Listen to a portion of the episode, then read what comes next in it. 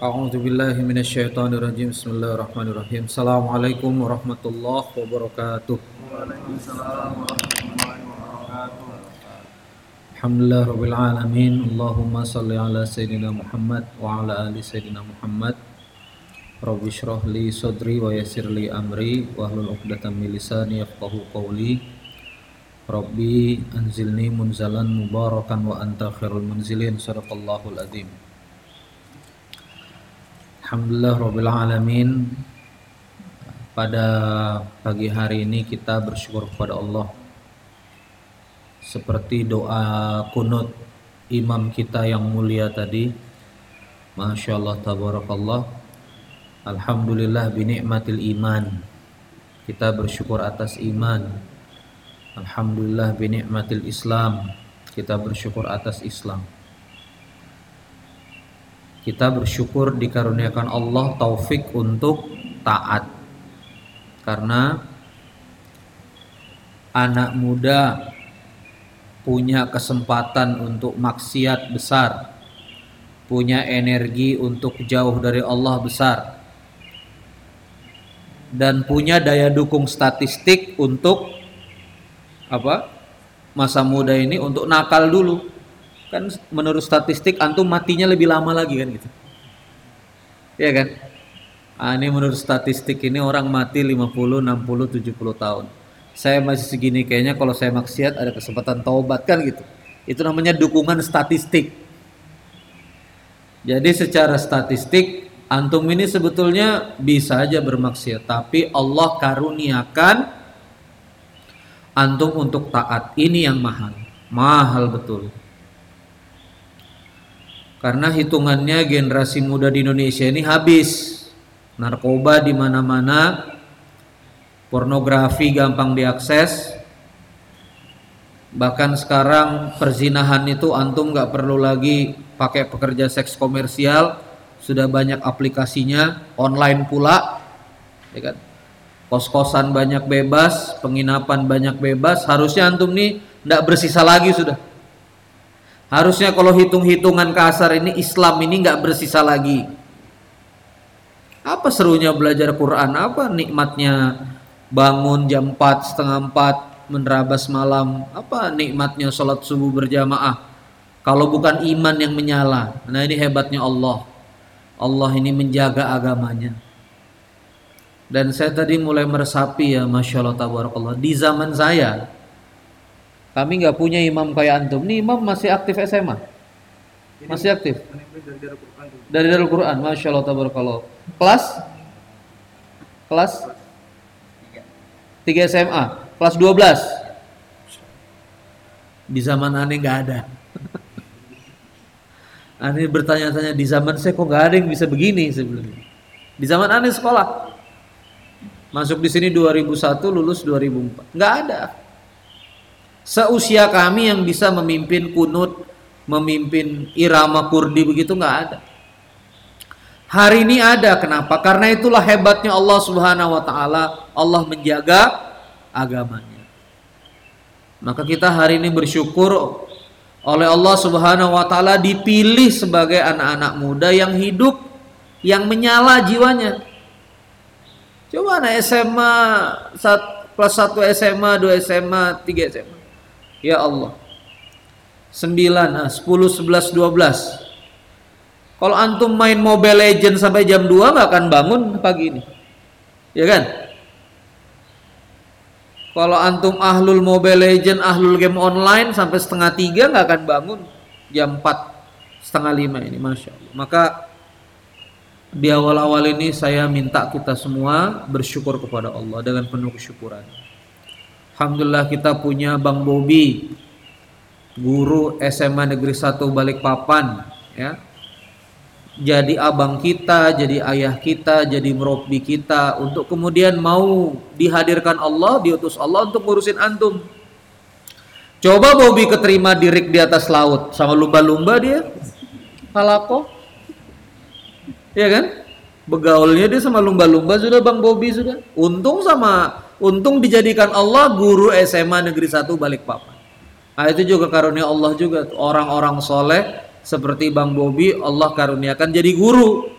Maka kita doakan Bang Bobi sehat afiat. Ya. Dan perlu juga kita doakan dapat jodoh terbaik. Kenapa kada menikah nikah Bobi ini? Kayaknya banyak yang mau pusingnya memilih, sibuk dalam penyeleksian. Salat dan salam kepada Rasulullah sallallahu alaihi wasallam. Allahumma salli ala sayyidina Muhammad wa ala sayyidina Muhammad. Rasul yang mengajarkan kita salat, Rasul yang mengajarkan kita mengenal Allah Subhanahu wa taala. Rasul yang kemudian mengajarkan kita banyak hal. Masya Allah tabarakallah. Ini luar biasa. Allahumma salli ala sayyidina Muhammad wa ala sayyidina Muhammad. Dari muda banyak-banyak bersalawat. Salawat itu menaikkan derajat 10. Gugurkan dosa 10. Salawat itu passwordnya doa, menggantung doa di langit kalau nggak dikasih solawat. Makanya solawat itu kalau bingung banyak-banyak solawat. Ya. Besok ujian sudah nggak bisa belajar lagi sudah aku bang, gelap sudah aku ini bang. Besok sudah ujiannya melihat rumus gelap, nah sudah nggak usah belajar, salawat aja. Nah, ini kunci pagi ini nih Jangan dipotong kasih ke guru, karena kada boleh ceramah lagi ulun di sini. Kalau sudah gelap, selawat. Terbuka soal, pusing setengah jam, selawat dulu. 500 kali. Baru pilih ABCD. Nah, mudah-mudahan Allah karuniakan kebaikan. Banyak-banyak salawat. Dari waktu muda banyak-banyak duha Masjid ini dulunya Baitul Ilm. Itu ya Baitul Ilmi. Masih ada sisa bangunan sejarah itu. Ini dulu toilet kalau tidak salah, dihancurkan. Eh bukan toilet ini ruangan kelas kalau tidak salah. 28 27 ini lab kalau tidak salah. Ini toilet, ini lab. Musola ini masih Baitul Ilmi namanya. Masjid Baitul Ilmi ini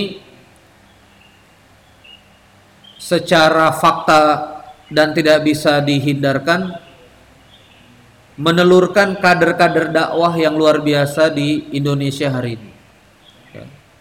Ada Rian Elvian Nur, itu direktur BUMD Migas. Itu lahir dari sini. Abang kita. Saya mohon maaf menamakan angkatan tarbiyah satu di Bang Rendi kita masih punya dua generasi lagi. Muhammad Firdausi, Fauzan Rahman Haq, Endi Kurniawan. Ini orang-orang hebat yang sekarang mengisi ruang di Indonesia. Di Makassar ada Bang Irwan Setiawan, di profesional perbankan ada Bang Wahid, di perpajakan ada Bang Rido, dan saya nggak bisa sebut lagi. Masya Allah tabarakallah masjid ini menelurkan banyak orang-orang soleh yang berkontribusi dan aneh harap antum melanjutkan nanti insya Allah. Salah satu amalan mereka itu adalah duha. Masih ramai kah duha di sini? Coba antum hafalin muka-muka teman-teman itu yang suka sholat duha. Nanti gedenya kayak apa? Itu yang nanti mengisi ruang-ruang keberhasilan di negeri ini. Saya juga takzim Bang Nur Syams. Ini kita punya tetangga dek. Masjid Sunnah Al Khair Gunung Pasir ini. Kalau butuh variasi suasana baru bisa aja jalan-jalan ke abang-abang. Ini ada ayah anda juga ayah. Yang kemarin aku taklim hadir lagi ada Bang Agus Al Islah dari Al Haq, ada Bang Akmal dan saya nggak bisa sebut lagi. Yang lain ada Bang Fatih, Bang Edes dari Infak Beras. Ya, saya absen satu-satu dan lain-lain ini saya nggak bisa sebut satu-satu. Adik-adik sekalian, hari ini pagi ini kita ngaji tafsir surah Al-Maidah ayat 54. Dibuka surah 554. Surah ini ini surah ruh anak-anak rohis. Surah ini adalah surah yang kemudian menghiasi masa muda saya kelas 1 SMA. Saya mendapatkan surah ini bergetar pertama kali dibawakan oleh Ustadz Ihsan Tanjung di RCTI pagi hari jam 6 kita ini enak pang balik papan ini Wita Ya, TV-TV itu acara Islam jam 5. Jadi kalau orang Jakarta soleh jam 5 itu di masjid udah nyalain TV. Nah, kita di Balikpapan jam 6. Jadi dapat acara dakwah itu jam makan pagi ini barokahnya orang Balikpapan. Ya, waktunya duluan. Nah, tafsir ini dibawakan oleh Ustadz Ihsan Tanjung di program Fizilalil Quran dengan dompet duafa. Di RCTI dulu itu jam 6. Selang beberapa tahun kitab Fizilalil Quran jadi kitab teroris. Bisa-bisanya TV aja. Kalau Allah Ta'ala fi kitabil karim A'udhu billahi minasyaitonir rajim Ya ayyuhalladzina amanu Wahai orang-orang yang beriman Kenapa pertamanya wahai orang-orang yang beriman? Karena setelahnya adalah kalimat murtad. Murtad itu artinya keluar dari din Allah. Ya yuhalladzina amanu man siapa-siapa. Melebur dia mayyartadda minkum an dinihi. Barang siapa yang murtad dari agama Wahai orang-orang yang beriman, barang siapa yang murtad dari agama, dari din. Agama itu a tidak gama rusak bahasa sang sekerta, terbatas dia. Tapi kalau kita bicara tentang ad-din, ini sistem. Ad-din itu cara sholat, ad-din itu zakat, ad-din itu ngasih makan orang miskin, Ad-din itu pernikahan, ad-din itu baik sama tetangga. Ad-din itu berarti menjaga kemaslahatan bersama. Kaidah syariah. Ya, kaidah syariah. Kemaslahatan. Itu namanya ad-din. Ad-din itu berarti juga syariat Allah Subhanahu wa taala yang paripurna. Nggak boleh minum minuman keras, nggak boleh mabok, nggak boleh judi, ya tidak boleh ikhtilaf laki-laki perempuan itu ad-din. Nah barang siapa yang murtad dari cara-cara ini. Ya. Bahkan dalam level skala pribadi, dalam level skala masyarakat atau entah itu keluarga atau dalam level sekolah kah, komunitas kah, bahkan lebih besar lagi dalam level ad-daulah, dalam level negara, ya. Maka Allah Subhanahu wa taala berfirman, "Fasaufa ya'tillahu. Fasaufa ya'tillahu biqaumin ya. Yuhibbuhum wa yuhibbuna. Fasaufa maka nanti akan ya bakalan itu fasaufa ya'ti ya'ti itu Allah datangkan ya ya'tillah Allah datangkan biqaumin dengan kaum yuhibbuhum wa yuhibbuna yang Allah mencintai mereka dan mereka mencintai cintai. Apa perspektif uh, kalimat di awal-awal ini adik-adik sekalian? Kalau negeri itu sudah berantakan, berantakan. Tidak usah negeri lah, kota lalu berantakan. Skala kota. Narkoba banyak, sholat subuh cuma satu saf padahal orangnya ada, anak-anaknya jauh dari Quran, narkobanya luar biasa, free sexnya luar biasa, maka Allah akan gantikan kaum ini, Allah akan replace, Allah akan datangkan kaum yang yang Allah mencintai mereka dan mereka mencintai. Artinya Allah datangkan yang soleh, Allah flip, Allah replace, Allah ganti. Nah ini namanya di dalam Quran adalah sunnatullah. Coba lagi apa? Sunnatullah. Gini ya, Al-Quran ini bukan ramalan. Ramalan itu bisa salah. BMKG Selat Kepulauan Karimata akan ada gelombang 2 meter, nelayan di, dilarang untuk melaut. Tertanda tanggal sekian November, sekian November, sekian November. Di tanggal itu abang lewatin Selat Karimata, tenang aja lautnya. Padahal ramalan BMKG apa? 2 meter segala macam. Lewat aja kita santai aja kayak danau aja biasa. Bergelombang kecil-kecil aja. Ramalan itu bisa salah. Analisa bisa salah. Oh kita analisa nih kayaknya bakal hujan. Bisa salah juga. Tapi Al-Qur'an ini bukan ramalan, Al-Qur'an ini bukan ana analisa. Al-Qur'an ini sunatullah. Kalau begitu jadinya begitu, itu Al-Qur'an. Wa man a'rada an dzikri fa innallaha ma'isyatan dongka. Kalau kamu berpaling dari Al-Qur'an, Allah akan kasih kamu hidup yang sulit. Itu sunatullah. Nah, ini sekarang sunatullah juga. Ya ayyuhalladzina amanu mayyartadda minkum an dinihi. Lanjutkan. Fasaufa ya'tillahu biqaumin yuhibbuhum wa yuhibbuna. Maka Allah akan kasih ganti kaum yang Allah mencintai mereka dan mereka mencintainya. Lihat deh kriteria yang pertama, yuhibbuhum wa yuhibbuna. Allah duluan yang cinta kita baru kita cinta kepada Allah. Apa maksudnya di sini? Kalau hari ini kita taat, kalau hari ini kita tiba-tiba bisa sholat subuh di masjid, kalau hari-hari ini kita bisa dakwah, kalau hari-hari ini kita bisa meniti jalan kebenaran ini dengan baik, demi Allah, itu Allah duluan yang milih. Sadar nggak maksudnya? Halo, paham nggak ini tafsirnya? Allah duluan yang yang cinta kita. Bukan kita yang cinta Allah duluan, tapi siapa? Allah duluan yang cinta kita. Maka kita ini tidak boleh merasa bisa berislam dengan baik gara-gara pilihan-pilihan kita. Nah ini evaluasi pertama di ayat ini. Ya yuhibbuhum wa yuhibbuna. Dan bisa jadi doa-doa keturunan, doa-doa, mohon maaf, doa-doa apa? kakek nenek kita, ya, kai-kai kita, nenek-nenek kita, doa-doa buyut-buyut kita, moyang-moyang kita itulah yang Rabbana hablana min azwadina wa zuriyatina qurrata a'yun waj'alna lil muttaqina imama itu yang membuat kita bening hari ini. Makanya banyak-banyak mendoakan zuriat, banyak-banyak mendoakan kain nenek moyang, banyak-banyak kita mendoakan orang tua kita. Ya. Ayo sama-sama yuhibbuhum wa yuhibbuna. Coba lagi. Yuhibbuhum wa yuhibbuna orang-orang yang dicintai Allah.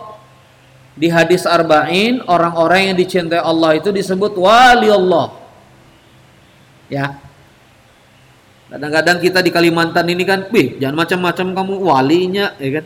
Wih, jangan macam-macam kamu dia ini wali kamu. Hati-hati, ya kan? Sebetulnya wali itu terbuka, anak SMA kelas 12 bisa juga jadi wali. Bisa juga jadi wali deh. Mau anak SMA kelas 10 kah, kelas 11 kah? Kalau Allah cinta dia, wali dia. Makanya hati-hati ngusilin teman, kalaunya wali kan. Wali hati-hati. Yuhibbuhum wa yuhibbuna. Nah, itu ya.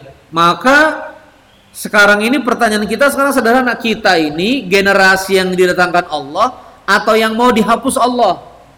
Saya ulangi sekali lagi.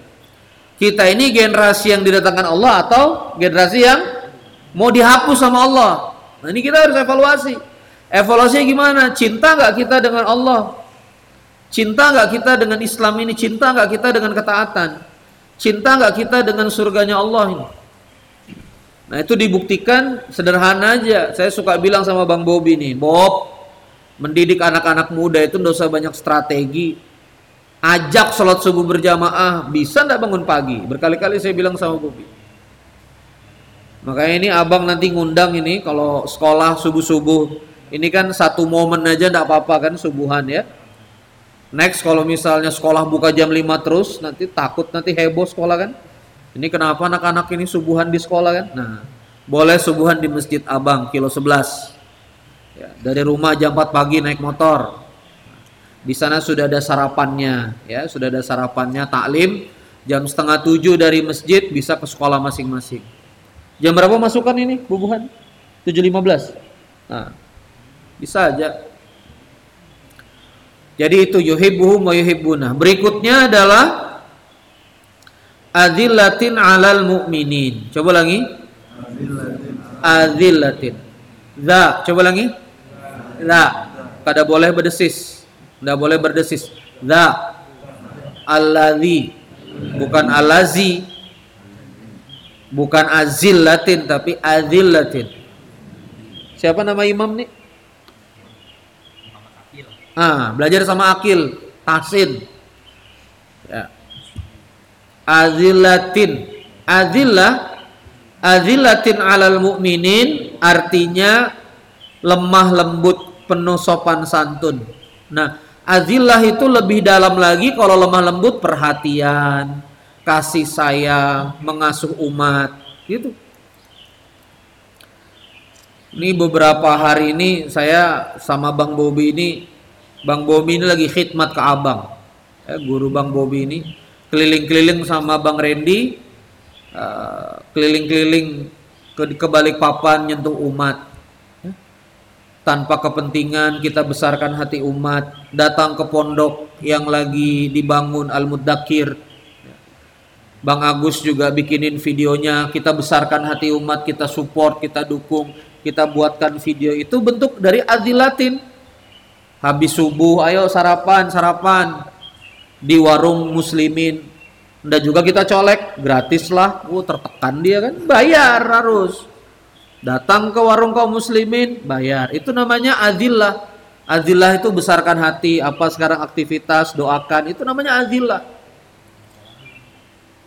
Makanya generasi ciri-ciri generasi ini adalah dia kompak, uhuwah, ya, lemah lembut. Nah, makanya ini kan ada wadai. Apa itu Bob? Sarapan Bob? Ah, nasi kuning. Nah, ini penting dek. Jadi saran saya itu di masjid ini harus apa? Harus lemah lembut. Lemah lembut itu gimana? Banyakin makanan. Karena kalau ada makanan itu ndak berkelahi. Nggak akan berkelahi kalau ada makanan. Coba kamu buka nasi kuning kamu bagi-bagi pasti senyum semua kan? Ah ya. Kapan berkelahi? Kalau tidak ada makanan. Kalau ada makanan lapar. Jar bubuhan tiada logistik anarkis, ya kan ya? Tidak ada logistik apa anarkis jar. Jar bubuhan itu. Ya kan? Nah, maka makanan ini untuk lemah lembut kita. Makanya kalau dakwah jalan-jalan sama abang itu jarang ceramah formalnya kita banyakin makan-makan, banyakin ngobrol, ya, banyakin guyon-guyon, gurau-gurau. Oh, jangan tegang-tegang berislam itu. Oh, mohon maaf, kita tidak boleh gurau. Anak rohis, kadanya begitu, Pak. Biasa aja, ya. Coba sama-sama adillatin alal mukminin. Coba lagi. Adillatin alal mukminin. Jadi jangan begitu berjarak, Dek Abang ini sengaja ndak apa ndak ndak aktif di IKATSA, mohon maaf di Bobi ya, ndak aktif di Ikatan Alumni Dakwah Mansa. Karena legendanya Randy Saputra di SMA 1 ini dilebih-lebihkan. Wah ini yang buka dakwah pertama ini, wah ini yang dulu berkelahi sama ini, ini, ini, ini. Jadi adik-adik ini kalau ketemu Bang Randy ini kayak ketemu siapa gitu. Biasa aja kita itu. Itu banyak dilebih-lebihkan sudah ceritanya bid'ah itu sudah ditambah-tambah berapa paragraf dan juga juga begitu, Bang. Anak-anak SMA 1 ini kalau ketemu saya ada di Bandung dulu di TB ketemu. Bang, angkatan tarbiyah, Bang, angkatan 11. Bang Randy kan, nah, saya kapan dakwah ke SMA 1? Udah, Bang, ini ada materi khusus tentang Abang. ada materi siroh. Harusnya siroh itu siroh nabawiyah, kenapa kita ada sirohnya juga? Nah, lemah lembut terhadap azilatin alal mukmin. Makanya habis dari FKPM ada IKATSA, Ikatan Alumni Dakwah Semansa. Kita perhatian. Azilatin alal mu'minin. Kalau misalnya ada kawan tidak ada kerjaan, nggak punya kerjaan nganggur, azilatin alal mu'minin. Kita lemah lembut. Kita tanya. Azilatin alal mu'minin. Kawan kita istrinya sudah 8 bulan kehamilan. Itu ditanya. Adakah untuk kelahiran? Ya kan? Adakah sudah ini? Adakah? Itu namanya azillatin alal mukminin. Jadi dakwah itu bukan panggung besar ini aja. Disorot kamera gini-gini, subscriber, viewer, punya mustami, punya pendengar. Kalau misalnya dakwah itu hanya subscriber, viewer, punya mustami, punya pendengar, apa bedanya sama penyanyi? Apa bedanya sama seleb? Dakwah, dai itu ngasuh umat. Riayatul ummah. Coba lagi. Riayatul ummah. Riayatul ummah itu riayah. Dia menjaga, merawat, mengasuh. Apa istilah murabbi itu? Kenapa kita di SMA 1 ini memakai istilah murabbi untuk para mentor? Ya rubu robban. Murabbi itu ngurus. Dari kalimat bahasa Arab dia kalimat betina. Apa maksudnya kalimat betina? Femin. Apa maksudnya femin? Ini sifat perempuan. Murabbi itu. Rob itu kalimat yang jenis kelaminnya perempuan. Kenapa? Karena sifatnya ngasuh. Mama kita bawakan mie instan, itu namanya sifat rob. Mama kita sediakan baju, itu namanya sifat merawat. Maka dai kalau antum jadi aktivis dakwah, jadi di FKPM, dai dididik tarbiyah jadi dai, nah harus berani apa? Nggak ngasuh. Coba lagi apa? Ngasuh. Makanya dalam beberapa tulisan abang di Facebook, abang juga sharing sama bang Edes, sama Agus, sama semuanya. Abang selalu bilang, abang ke papan ini ngasuh. Kenapa? Kemarin ada isu mau jadi wali kota. Gantikan kota kosong jar. Untung sudah lewat pilkada. Nah ada konsep. Silakan ada kaum muslimin berjuang lewat pilkada, abang hormati dan itu masya Allah luar biasa. Formal tapi sekarang itu yang mau jadi wali kota lu banyak. Kemarin tuh banyak aja bang, udah bisa ngumpulin tanda tangan aja. Habis sudah partainya semua. Banyak aja bang kemarin yang mau jadi wali kota, tuh udah dapat kursi aja. Makanya sendirian Pak Rahmat Masud. Banyak tapi yang mau jadi wali kota, yang mau jadi caleg. Wah, antum lihat aja pohon itu muha semuaan. Ah, muka semua pohon. Wajah orang, baliho di mana-mana. Tapi yang mau ngurus masjid, yang mau ngurus umat, mau ngurus fakir miskin di masjid, ngumpulkan sembako, kayak Bang Edes ini. Nah, Bang Edes ini sama teman-teman pasca 10 ton mengumpulkan beras, pikul sendiri, masukkan ke pondok-pondok, ndak pakai nama partai politik, ndak pakai apa, ndak pakai apa. Bang Edes nih sama kawan-kawan. Diam-diam ke pondok-pondok. Nah, yang mau mengurus umat begini ndak ada, kosong. Maka kalau mau jadi generasi pengganti, coba lagi apa? Generasi pengganti. Harus apa? Adilatin alal mukminin. Salah satu aplikasinya apa? Ini kan kalimat general di Quran, adilatin alal mukminin. Turunannya apa? Kalau kata guru matematika di sini derivat, betul ya? Derivasinya dari adilatin alal mukminin ini apa? Yang ngurus masyarakat. Coba misalnya abang dakwah, abang bilang sama Bobby, Bob, maksudnya Bobby bilang ke saya, Bang, bisa gisi SMA 1 kah? Bisa aja 5 juta per 2 jam. Mundur teratur Bobby langsung. Kas FKP aja udah nyampe. Ya. Kang Randy datang mundur teratur langsung. Nah maka perlu ada dai-dai, boleh ada dai yang bertarif dengan pilihannya, silakan saya nggak mau kritisi. Tapi perlu ada dai yang ngurus umat, ngasuh umat. Ini sekarang kita ketemu sosok-sosok influencer. Aku datang ke kafemu 7 juta 500 ya. Posting IG story 3 juta 500. Posting ini, enggak apa-apa influencer. Bahaya betul kalau dai begitu. Maka kalau adik-adik kalau mau jadi dai ngasuh umat generasi pengganti harus apa? Adilah adilatin alal mukminin. Kayak Bang Bobi lah ya.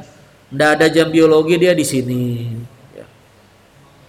di masjid. Saya sangka baik betul-betul dakwah ya, bukan menghilangkan kesedihan kejombloan gitu. Nah, Bob ya, dibully-bully dikit ya. Ini abang kita ini di masjid, ngurusin adik-adik, punya apartemen jadi markas. Ini saya cerita. Anak-anak tidur di apartemen, tidur di Masya Allah. Diurus, dirawat, adik-adik dikelola. Ini yang mahal. Itu namanya apa? Adillah.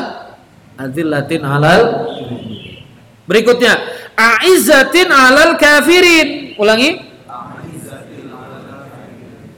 Ini jangan sampai jadi ceramah ekstrim ya katanya ya. Kalau kafir itu jelas lah yang bukan muslim, definisi Quran ini kafir kan? Ya ayu ya ayu kul ya ayuhal kafirun, bukan kul ya ayuhal non muslim ya kan gitu. Kita nggak usah bahas istilah kafir lah, kita sudah sepakat kafir itu apa. Tapi izzah, coba lagi apa? Izzah itu kamu punya harga diri sebagai seorang mukmin. Generasi pengganti itu punya izzah. Apa maksudnya izzah itu? Kafir bisa naik Velfire, antum juga bisa beli Velfire. Itu namanya apa? Izzah. Jadi izzah itu alat perang. Kekafiran, kemaksiatan bisa bikin konten YouTube ratusan ribu subscriber. Antum juga bisa. Dibantu sama Bang Akmal, bikin konten yang bagus. Itu namanya izzah. Antum juga bisa bikin yang bagus. Itu namanya izzah. Sahabat kita, saudara kita selain Islam sudah bisa mimpin jadi direktur BUMN, ya, jadi beberapa titik direktur unit karena mereka hebat, pintar, pintar ngomong dan seterusnya. Mereka punya kompetensi. Nah, Muslim juga bisa. Jangan terbalik-balik sekarang. Maka jangan sampai antum tidak punya izah. Ya, maka generasi pengganti itu punya harga diri. Punya apa? Harga diri. Punya izah. Karena punya izah, ya karena punya izah, di masa-masa ke depan nanti itu tanggung jawab antum memimpin. Ya paling dekat ketua OSIS lah. Ya kan? Yang lalu biarlah berlalu. Abang datang tidak untuk mengevaluasi. Kayaknya sedih, ya kan? Nggak usah dibahas. Tapi untuk masa depan ini berpikir. Berpikir. Gimana caranya bisa punya hati di 360 siswa seangkatan? Gimana caranya bisa punya hati di tiga angkatan? Apa yang harus dilakukan? Apa yang harus diperbuat? Komunikasi seperti apa? Itu namanya izah. Punya harga di diri. Kita sekarang hari ini ribut deh. Pernah denger gak? Oh, ada pemurtadan. Dikasih sembako, dikasih indomie, pindah dari agama Islam ke agama lain Sering deh denger deh. Sebuah daerah dikirimin sembako. Saya sih nggak fokus sama yang ngirimin sembako. Saya cuma fokus. Kenapa nggak antum yang kirim sembako? Paham nggak di sini deh? Ini ada orang lapar, kelaparan dia. Di Quran ini sudah jelas, to'amul miskin, wala yahuddu ala to'amil miskin. Udah jelas. It'amul ji'an, di hadis itu kasih makan perut. Kenapa agama lain yang kasih makan? Wajar dia pindah ke agama lain. Halo, dek. Hai. Adik-adikku yang kusayang. Di sebuah kampung di Pulau Jawa, anak-anak muda seusia antum ini lulus dari SMA, ya, aktivis rumah ibadah mereka datang ke wilayah-wilayah pertanian. Bagus juga, bawa benih, mendidik masyarakat. Mohon maaf ya, tidak bicara Alkitab. Mohon maaf, tidak bicara Injil. Hebat. Kita harus contoh kebaikan-kebaikan begini itu baik. Mereka ngurus masyarakat. Lama-lama masyarakat melihat anak-anak muda ini agamanya apa sih? Lama-lama ngomong, dek, boleh nggak kita ke agama anda pindah? Pindah satu kampung pak. Kenapa? Hasil panennya dibeli oleh anak-anak ini. Dididik mereka supaya panennya bagus. Aina generasi muslimin bermobile legend, Dota di warnet 4 hari lawan Popmi, Indomie, Sprite. Untung udah mati kamu. 4 hari di warnet Ummasidin, Ummasidin. Allahu Akbar. Jadi gimana mau punya izah? Orang lain bawa sembako, antum nggak bawa sembako, gimana mau punya izah? Abang ngisi di corporate. Abang sebut lah, abang ngisi di corporate itu sebuah selular nasional. Abang tuh punya kontrak waktu itu setiap tahun itu dua kali pasti uh, itu generasi mereka penerimaan pertama induction itu pasti pasti abang latih 2-3 jam untuk filosofi karir. Mereka setiap angkatan tuh terima 200-300 orang abang didik Selesai abang ngisi training, beberapa anak muda maju. Bang, gimana bang? Diskusi, rame. Bang, orang tua saya ngomong begini, bang, gini. Bang. Mohon maaf ya, yang ngomong sama saya ini semuanya non-muslim. Yang muslim-muslim itu habis saya ngisi, makan apa, udah males. Tapi yang non-muslim ini datang, diskusi panjang sama saya. Mohon maaf. Dan luar biasa mereka perhatiannya. Ini saya rasakan sendiri. Maka wajar Demi Allah wajar ketika di BUMN Muslim gak mimpin. Orang koler semua kamu semua kan koler, malas saja bawaannya. Kan? Wajar muslim tidak mimpin. Nah ini namanya tidak punya izzah. Tidak punya apa? Nggak punya izzah.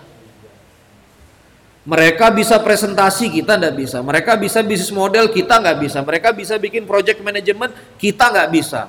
Mereka bisa menggerakkan masyarakat, kita nggak bisa. Mereka bisa menggerakkan orang, kita nggak bisa. Makanya saya bilang sama Ede, Sabtu sore di Masjid Berkabox, abang ngajar manajemen. Setara MBA. Pokoknya gimana caranya kita ngajar manajemen. Kalau nggak abang yang ngajar, guru-guru dari Jawa kita datangkan. Supaya kaum muslim ini ngerti manajemen. Ya. Adik-adik yang muda-muda mau jadi pengusaha juga boleh datang. Yang mau jadi entrepreneur, mau belajar gimana itu bisnis, boleh datang ke kilo 11 nanti. Bebas di masjid, langsung kita ajarin manajemen. Supaya kita punya apa? Iz izzah. Maka lahirlah masjid kapal Munzalan Mubarakan satu bulan infaknya 10 miliar. Berarti seminggu 2,5 miliar. Ini kencelengmu berapa masjid ini? Seminggu. Bagi beras 600 ton. Nih bagi beras 600 ton. Kaum muslim kita yang ngasih beras ke pondok-pondok yang tidak punya yang tidak punya beras itu ada-ada mohon maaf ya Jangan kita pikir pondok pesantren itu semuanya hebat-hebat. Banyak kiai-kiai kita yang kalau dapat santri, ayo masuk, masuk, masuk, masuk. Kiainya miskin, nggak ngerti juga apa gimana cara ngasih makan. Cuma punya hati ngedidik anak-anak.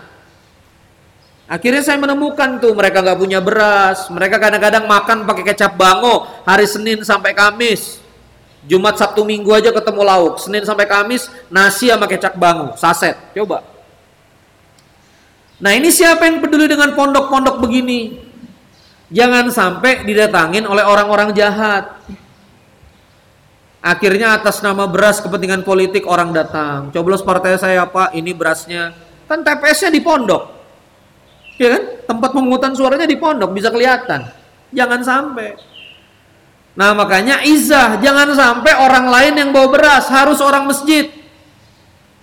Halo dek, Halo, ini mohon maaf ya abang nih ceramahnya keras ini. Supaya antum tuh berpikirnya membesar gitu. Ini umat nih punya masalah besar. Balik papan ini kan dulu zaman abang 2001 2090 itu enak betul tinggal di balik papan ini. Ada alat berat. Pamannya abang itu cuma nyuplai elap ban truk, ban apa? Ban batu bara itu. Cuma nyuplai elapnya aja. Kaya sudah luar biasa. Sekarang gimana mau nyuplai lapnya, truknya aja jalan? Ya. Vico pergi, Total pergi, Chevron pergi, ya semua berubah jadi Pertamina memang hari ini. Cuma konsekuensinya Pertamina tuh juga nggak semuanya memutuskan beli servis kan, beli layanannya, maksudnya dukungan di service company-nya. Nah ini kita terjadi di balik papan ini economic shrinking Tahu nggak? No? Coba ulangi sama-sama economic shrinking. Coba.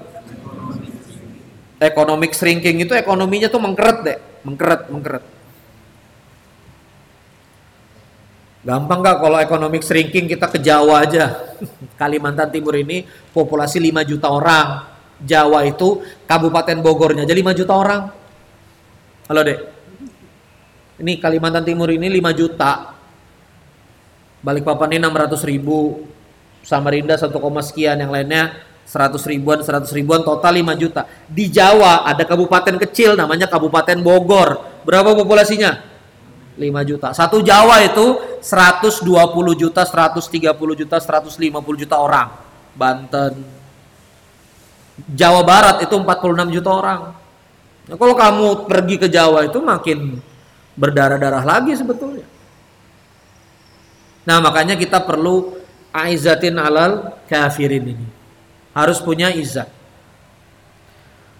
Berikutnya yujahiduna fi sabilillah. Coba ulangi. Yujahiduna fi sabilillah. Dia bersungguh-sungguh di jalan Allah. Jahada walaupun arti letter lucknya adalah kital perang di jalan Allah, tapi jahada ini asal katanya adalah bersungguh-sungguh. Jadda, jahada jihad. Itu sungguh-sungguh melawan. Makanya saya seneng nih anak-anak SMA 1 bikin sungguh-sungguh konten. Ini sungguh-sungguh. Lighting, Sudah banyak video saya yang belang-belang muka itu kan. Lightingnya udah lengkap. Nah ini sungguh-sungguh. Ya. Sound tadi sungguh-sungguh. Imam tadi sungguh. Itu namanya sungguh-sungguh. Kesungguhan. Kita perlu kesungguhan dalam dakwah ini. Tuh laptopnya ROG. 20 juta lebih itu. Coba pang laptop 4 juta 500 streaming. Enter. Beh. Kada begoyang langsung layar. Untung ROG. Itu sungguh-sungguh. Maka antum dakwah di SMA 1 ini sungguh-sungguh bikin program ya. Baitul Ilmi punya sub pencipta alam misal. Baitul Ilmi punya sub teknologi, punya sub uh, entitas algoritma. Jadi boleh di masjid belajar algoritma pemrograman, di masjid belajar desain, editing. Di masjid misalnya bikin vokal group, cari lahan kosong Bob, jadikan studio ya kan? FKPM Records kan gitu. Kalau kalau ada yang bisa melawan Maharzen kan? Nah, itu bikin, bikin studio, bikin studio animasi. Ini ada Abang Agus, manfaatkan nih Abang Agus Alisla. Bang ajarin kami Bang green screen Bang. Ada Bang Agus. Itu namanya jahada fisabilillah. Tanya sama Bobby ini. Sudah hampir seminggu lebih kita Bob ya. Jam 4 pagi udah bangun. Nih Bobby ini, 4.30 kita sapu semua masjid di balik papan. Bukan cuma ceramah, habis itu sarapan. Bukan cuma sarapan, mendengarkan masalah orang. Bukan cuma itu aja, kita jalan lagi, kita ekspansi lagi, kita kita bangun lagi komunikasi dengan berbagai pihak. Itu namanya jahada fisabilillah. Itulah dakwah, itulah ngasuh umat. Ya. Nah, kalau misalnya ada adik siap untuk menjalani jalan begini, insya Allah jadi apa? Generasi pengganti. Terakhir, wala yakhafuna laumata. Ulangi. Wala yakhafuna laumata. Tidak khawatir terhadap omongan orang, celaan orang. Nah, ini Dek ya saya saya sampaikan ya.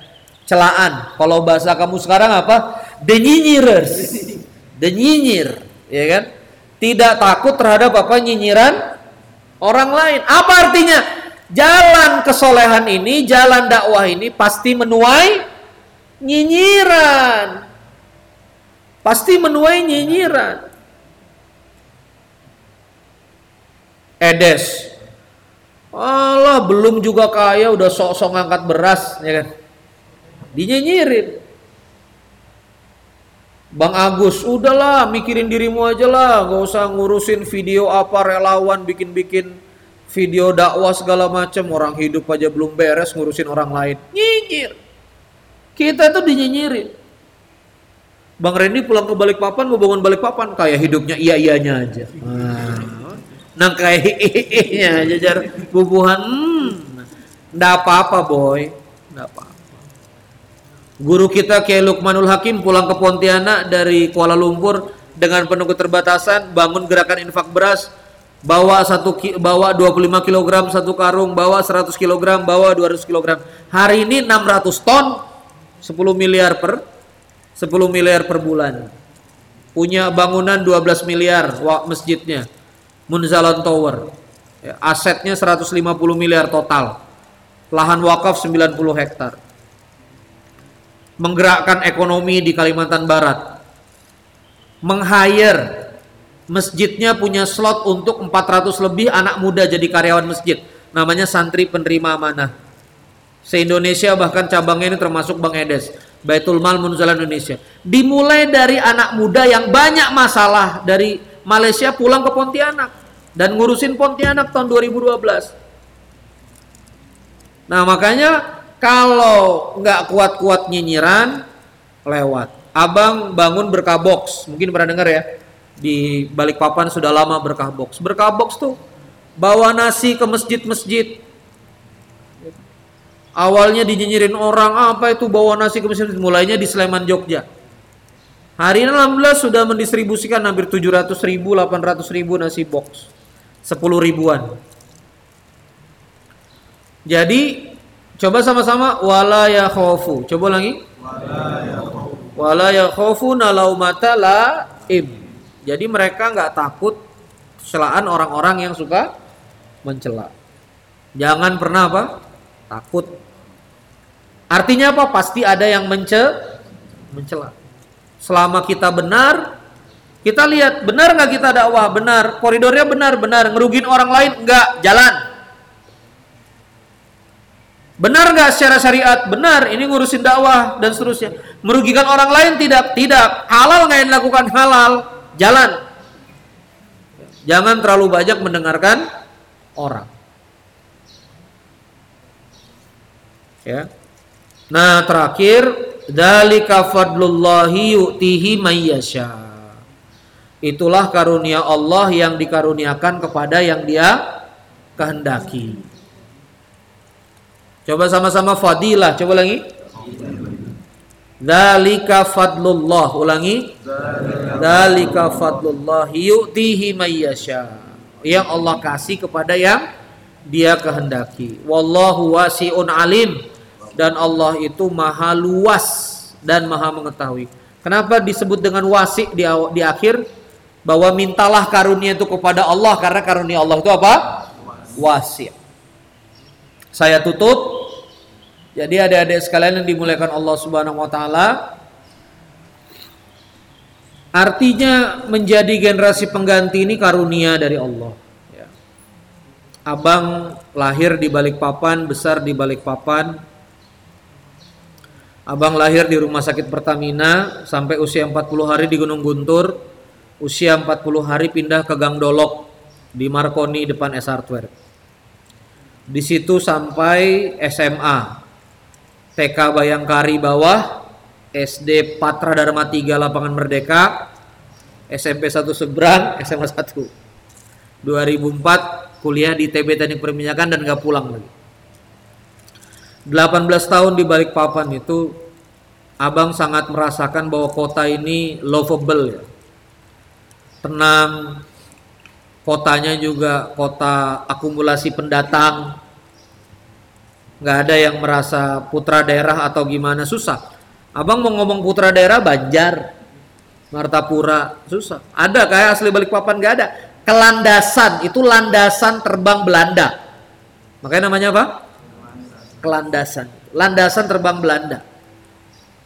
Waktu teman-teman pilot Australia landing, ada beberapa yang meninggal. Lahirlah Tugu Pertamina itu. Ada kan di Pertamina 8 Merdeka itu, mau ke Istiqomah ada Tugu. Itu kan setahun sekali orang-orang Australia berkabung.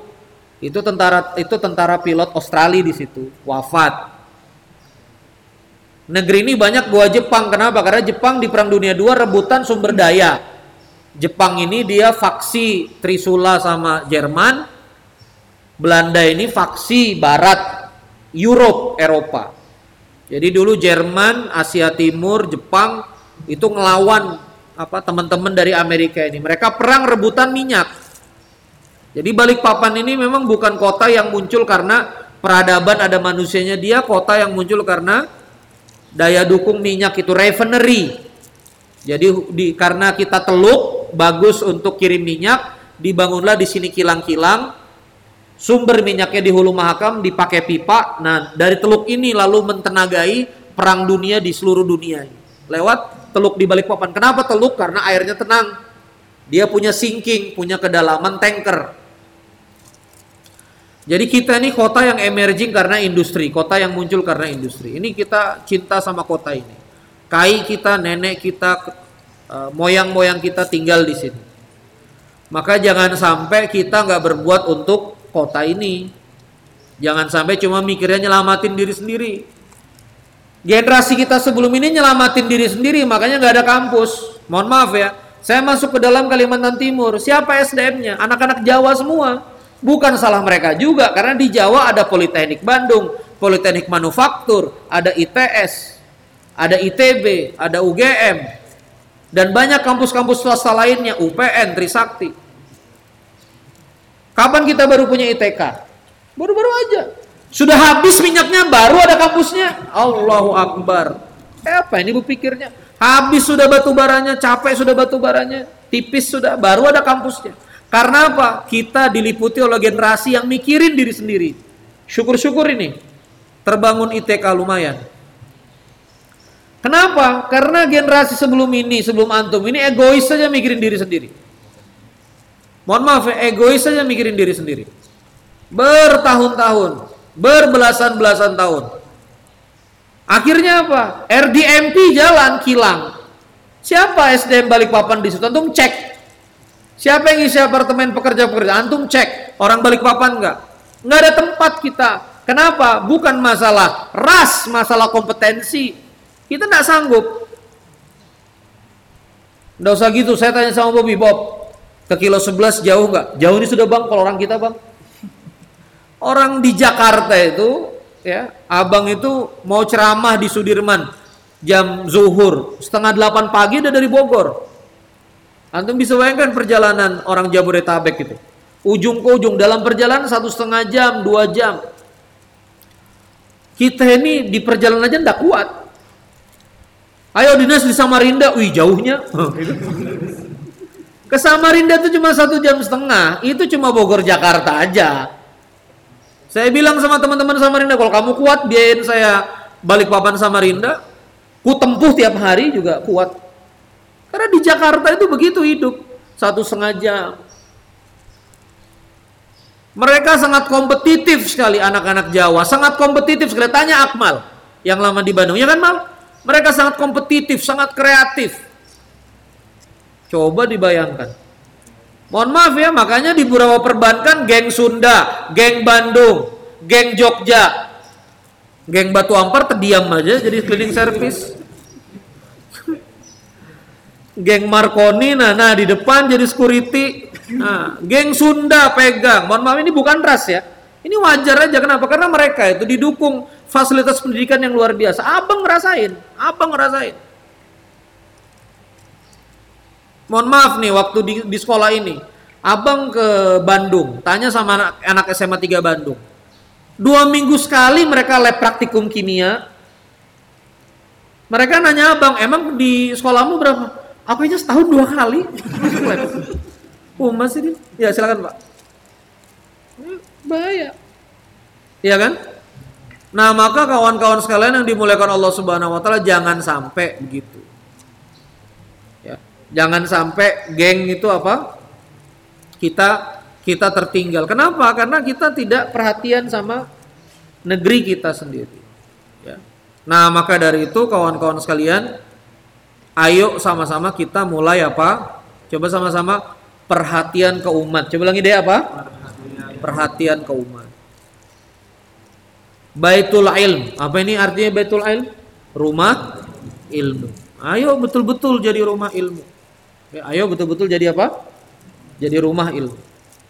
Jadi jangan sampai kita jangan sampai kita uh, tidak bisa bersaing. Jadi sekali lagi ya, bukan dakwah rasis enggak. Karena memang teman-teman Sunda di Bandung ada ITB-nya, ada Politeknik Manufakturnya, enggak salah juga kita ini tertinggal dari segi regional, tertinggal dari segi daerah. Makanya jangan sampai kita perparah dengan sikap kita yang nggak peduli pada pada lingkungan ini. Kita jadi gini loh, kita sudah tertinggal, kita sudah terbatas. Karena kita sudah tertinggal, sudah terbatas, maka bergande bergandengan. Itu saja. Semoga Allah Subhanahu wa taala memberkati kita. Allahumma salli ala sayyidina Muhammad wa ala sayyidina Muhammad. Semoga adik-adik di sini disayang Allah semuanya. Dimudahkan Allah proses pendidikannya. Mudah-mudahan Allah karuniakan jalan pendidikan terbaik, kampus terbaik dan mudah-mudahan Allah kasih rezeki untuk bisa ngabdi di kota kelahiran. Allah kasih karunia platform bisa ngabdi di kota kelahiran. Dan mobil khusus para anak-anak muda yang sudah usia pasca kampus, pasca sekolah, abang-abang Semoga Allah karuniakan pengabdian terbaik, karir terbaik, platform terbaik di kota tercinta ini. Dan ayahanda kita yang hadir pada kesempatan kali ini, orang tua kita semoga Allah sehatkan. Allah karuniakan kesempatan untuk menasehati kita, membimbing kita semua insya Allah. Rabbana atina fid dunya hasanah wa fil akhirati hasanah wa adzabannar. Subhana rabbika rabbil izzati amma yasifun. Wassalamu ala mursalin walhamdulillahi rabbil alamin. Kita sholat syuruk dua rakaat, habis itu makan nasi kuning. Nanti ngobrol-ngobrol sama abang di sesi informal. Thank you.